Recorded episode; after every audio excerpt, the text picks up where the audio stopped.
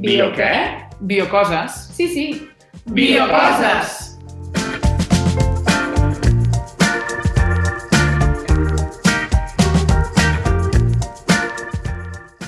Bon dia des de Mataró Ràdio i benvingudes a Biocoses, un programa en què parlem de ciència i salut perquè tothom la pugui entendre i gaudir, com ho fem nosaltres. La biocosa d'avui és l'evolució. Avui fem un programa un pèl especial amb convidats únics. Amb tots vostès tenim a l'estudi Gerard Soldeu, la Llarg Torres i Original Buscar. Serà un episodi especial en què tres persones amb opinions diverses sobre l'evolució o no evolució i l'origen de la vida debatran i contrastaran els seus punts de vista. Ells tenen opinions basades en teories o creences que existeixen i estan presents a l'opinió pública, com són el fixisme, el lamarquisme o transformisme i el darwinisme.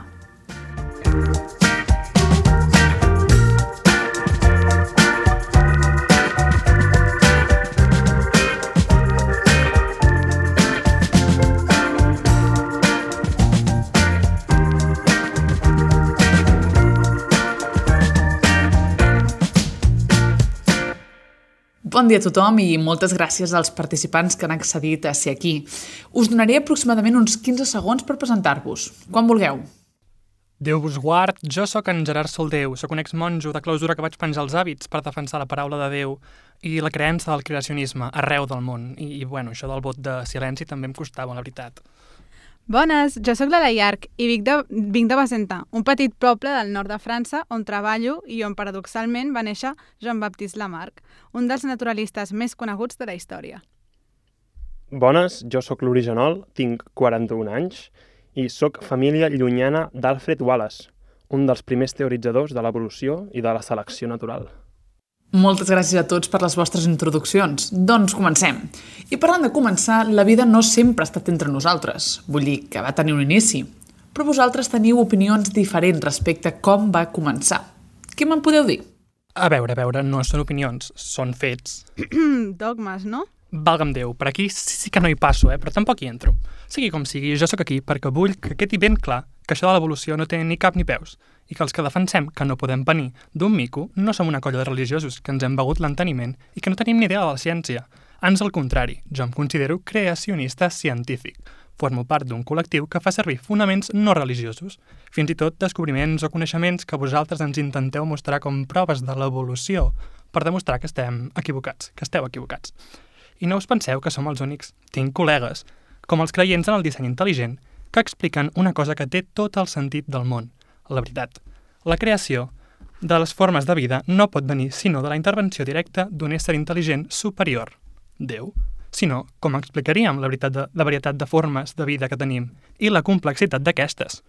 Des que Déu ens va crear, hem estat així, o m'intentareu vendre que hem arribat a ser així d'increïbles per pura sort, repetidament, durant milions i milions d'anys. No em feu riure, per favor.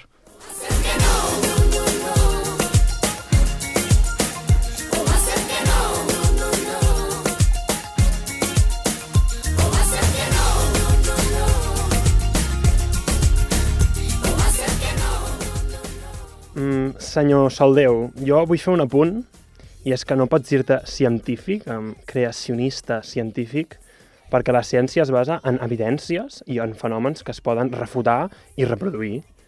Això que ens expliques no es basa en cap experiment ni en cap observació, ni inclou les mil proves que demostren l'existència de l'evolució.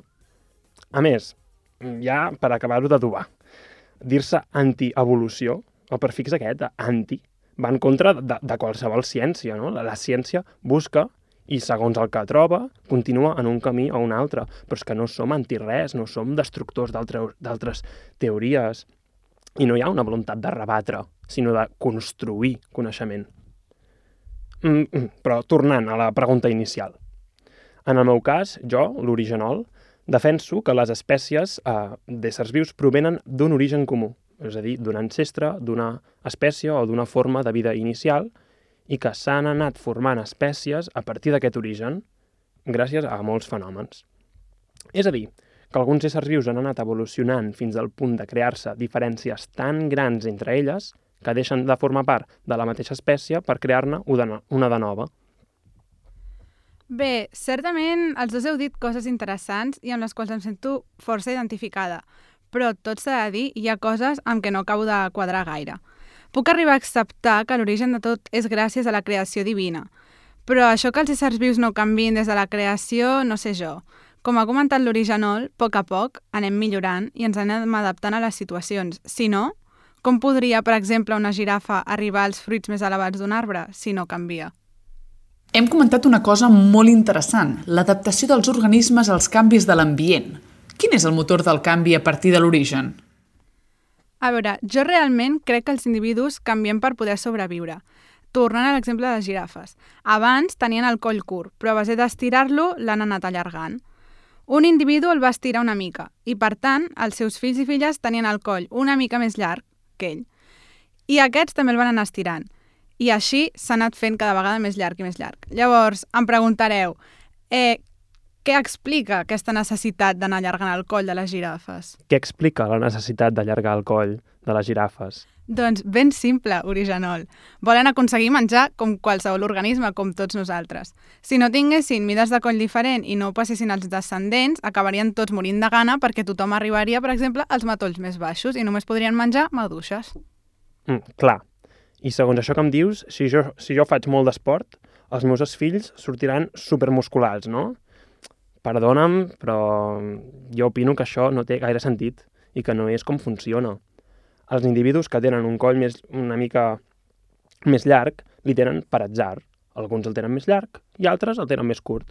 I els de coll llarg podien aconseguir més menjar i reproduir-se més i tenir més fills, i així és com es va seleccionar la característica, en el cas de les girafes, de tenir el coll llarg per, per, per sobre dels del coll curt. O sigui, el, el coll llarg es va, acabar, es va acabar imposant en el coll curt mm, i per això ara mateix les girafes tenen el coll llarg.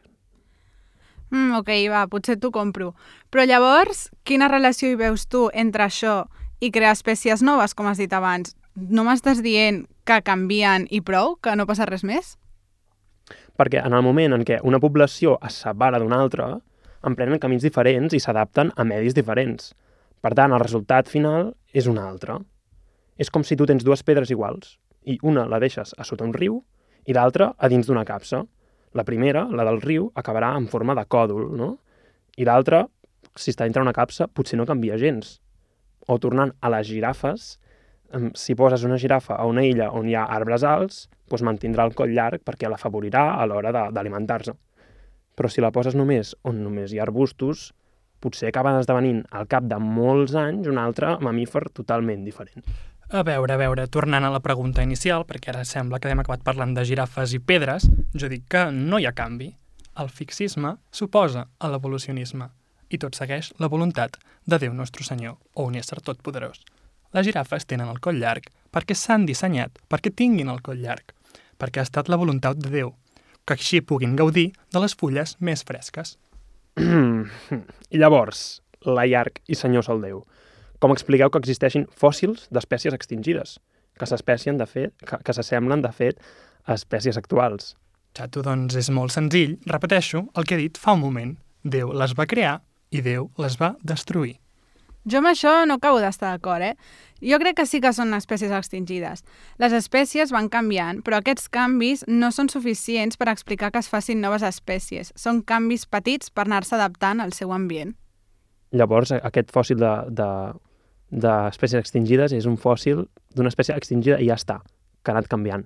Sí. Mm, jo no hi estic d'acord. Vull dir, i la ciència demostra que no, perquè les espècies es creen a partir de les anteriors per això tenim fòssils intermitjos que, que, que tenen característiques barrejades entre un tipus d'espècie i una altra. Mira, mireu aquestes fotos. Mira, us ensenyo aquí. Aquí tenim l'arqueoptèrix, que és un fòssil d'una espècie intermitja entre les aus i els rèptils. Perquè les aus, per qui no ho sapigués, venen, provenen dels rèptils, evolutivament. L'arqueoptèrix era, era un dinosaure amb plomes i media mig metre i es considera la primera au de la història. Us compartirem aquestes fotos que ens ensenya l'Originol a l'Instagram i Twitter del programa, arroba biocoses. Però deixem estar els ocells i els fòssils per un moment. Anem a un tema que ens toca de més a prop. Nosaltres, l'ésser humà. D'on ve? Venim dels micos? Venim de la patata, potser? Diu la teoria de l'evolució que venim dels micos. Quina aberració! Si és evident que l'home ve de la patata, de la patata, de la patata, i és evident que l'home ve de la patata. Mirant-vos a vosaltres mateixos, em queda molt clar que hem estat creats a imatge i semblança de Déu. No em fareu creure que podem venir d'un mico ancestral. Quina aberració! Ara bé, és veritat que tinc companys de l'American Scientific Association, o ASA pels amics, com jo, una organització religiosa de divulgació científica que reconeix que el creacionisme pot necessitar ser complementat amb corrents de pensament nous, com l'evolucionisme, i que, en tot cas, és sempre positiu crear un diàleg i una discussió sempre sans per buscar punts de trobada, nexes i espais de congregació entre ciència i cristianisme. Es poden trobar punts en comú. M'agrada aquesta conciliació que han fet des de l'American Scientific Association. No és pas incompatible amb la fe. Darwin mateix va tenir molts dubtes i molts problemes per publicar la seva teoria, perquè contradeia la Bíblia, i ell era cristià, ell, ell creia en la Bíblia. Qui m'hauria dit que us posaríeu d'acord abans un creacionista i un darwinista que jo una lamarquista? Però en realitat, en aquest tema que trauré ara original, tu crec que em donaràs la raó. Sigui quin sigui l'origen dels humans, que quedi clar que jo, això que venim dels micos, no m'ho acabo de creure, està claríssim que hem anat canviant, hem anat millorant. És com l'exemple d'abans de les girafes, no? Si allarguen el coll i el van estirant, això ho passaran als fills i filles i així s'anirà fent més llarg. Mm, has dit que hem anat millorant. O sigui, vol dir que, que abans érem pitjor que ara? No, no és que estiguem creant aquí una espècie tot poderosa i perfecta de tots els animals que existeixen, perquè a la primera de canvi aquesta potser s'extingiria. El que fem és anar-nos adaptant a l'ambient i anem passant tots aquests caràcters a la descendència. O sigui, millorem, anem canviant i potser millorem, però potser... O sigui, sempre ens hem adaptant, vols dir, no? Sí, Mm -hmm. perquè si ens quedéssim com estiguéssim, no, no arribaríem agafar pomes en comptes de maduixes, potser. Uh, estic força d'acord, però, però tinc objeccions, jo. No crec que els canvis es passin de progenitors a descendents, sinó que hi ha un procés lent de selecció dels, indi dels individus més ben adaptats. Com he explicat abans, es seleccionen els més ben adaptats. No és que neixi la necessitat d'una cosa i que en desenvolupar-ho un individu perquè s'hi esforça, com les girafes que allarguen el coll, amb aquest canvi o aquesta nova característica passi a la descendència, sinó que hi ha una variabilitat dins de l'espècie i que els que tenen la característica més ideal en funció de l'ambient són els que tenen més èxit reproductiu. I com que els testos s'assemblen a les olles, la descendència s'assemblarà als progenitors i heredaran aquest caràcter que els donarà avantatge per damunt dels altres. Agafem el cas de les girafes, que sembla que t'agraden molt. En el cas de les girafes, sí que seleccionen les que tenen el coll més llarg, però si tenen el coll llarg és perquè són així i punt. No, no és perquè l'hagin allargat al llarg dels anys, perquè s'hi han esforçat. D'acord, d'acord, companya i company. Jo estic intentant entendre les vostres postures. M'estic adaptant i Ué. considero que fins i tot to- eh, que, que tots dos fins ara teniu arguments prou vàlids. Però, d'alguna manera, amb explicacions diferents i molta girafa, no esteu dient el mateix? No, no. Perquè el que tu fas durant la vida no és un caràcter heredable, com defensa la senyora Layark.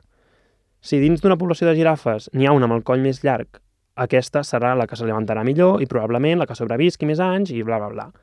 Per tant, el caràcter del coll llarg s'acabarà imposant per davant del coll curt.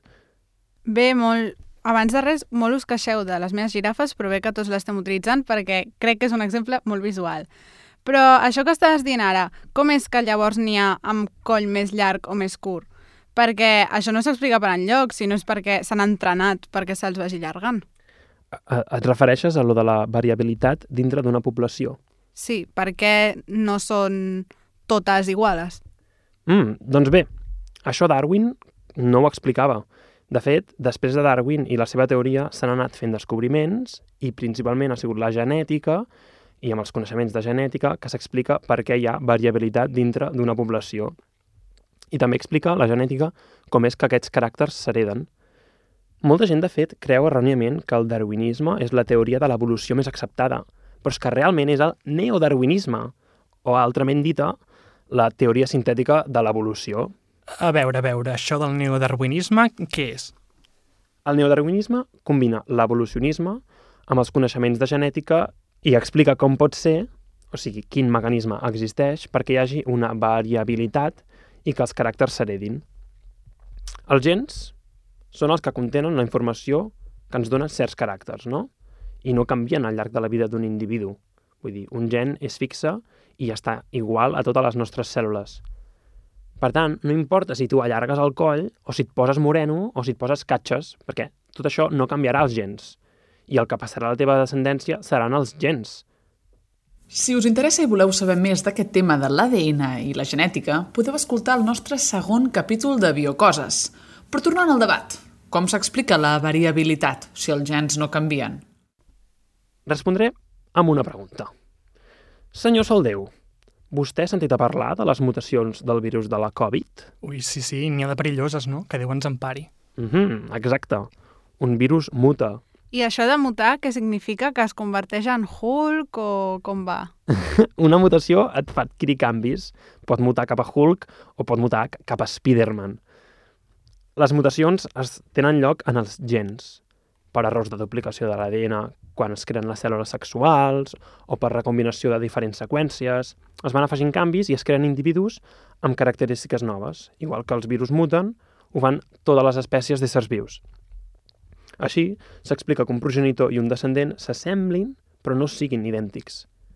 Però calen molts anys i molta selecció perquè mica en mica vagin evolucionant les espècies i puguin crear-se'n de noves. Aviam, la veritat és que ens estàs rebatent o justificant totes les nostres idees amb arguments científics, però jo ara aquí et donaré un exemple que crec que no me'l podràs negar.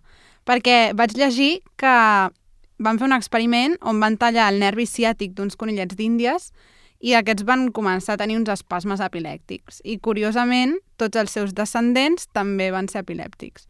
Llavors, com expliques això? Jo et faré una pregunta. Han fet aquest experiment més cops o l'han fet només un cop? Home, no crec que calgui fer-ho més cops, no? Perquè és força evident el que s'ha vist. Mm, un dels pilars de la ciència és la reproductibilitat, és a dir, que es, un experiment es pugui tornar a repetir i obtinguis els mateixos resultats.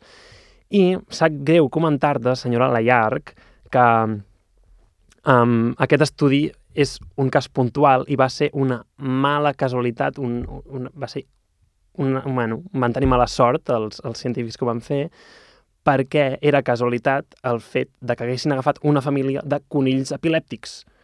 O sigui, no és perquè els haguessin tallat el nervi ciàtic, que eren, que eren epilèptics, sinó que ja ho eren de base, i per tant eh, era com un factor confusor, no?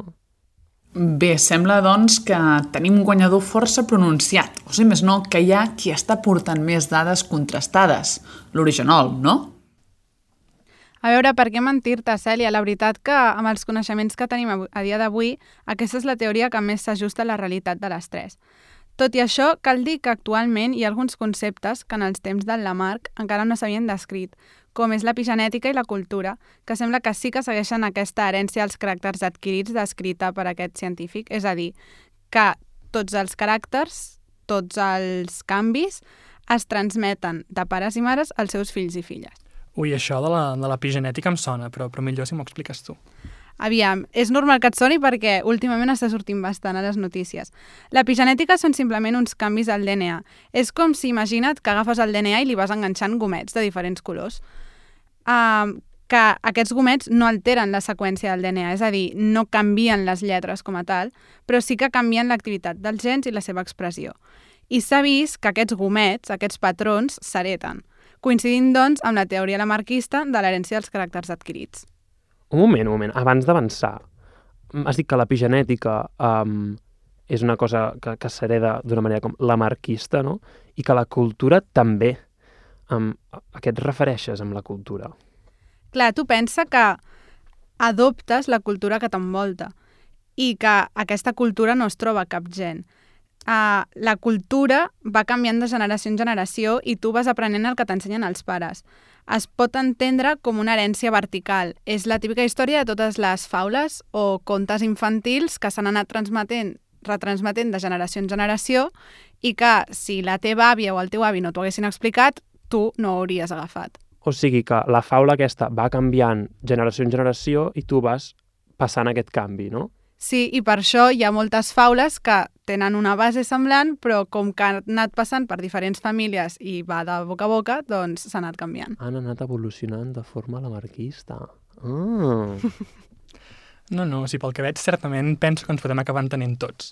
Fins i tot amb els nous corrents del creacionisme, els que no neguen l'evolució, com el creacionisme proevolutiu o evolutiu, es poden acceptar els postulats de l'evolucionisme, sempre que s'accepti també l'existència d'un creador i un propòsit suprem. Encara que és veritat que molts fins i tot diuen que són més aviat una postura filosòfica, l'evolució teïsta, que no pas una teoria científica com a tal, que complementa la teoria de l'evolució. Però bé, la conclusió que volia fer és que tots podem tenir conceptes encertats i que d'alguna manera podem arribar a entendre'ns plegats. Doncs sí, molt ben dit, senyor Soldeu, perquè la ciència ha demostrat que l'origen de la vida és comú i que s'han anat creant espècies, però encara no arribem a entendre com es va originar la vida, la primera cèl·lula. I a hores d'ara, la fe és la única que pot solucionar-nos aquesta incertesa.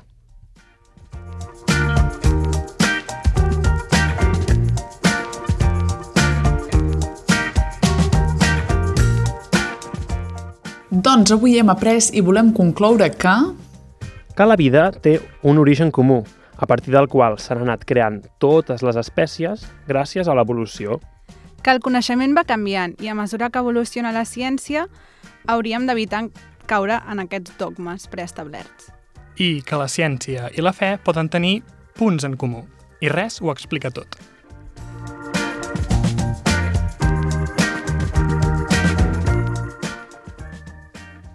Moltes gràcies per escoltar-nos i ens veiem a la següent...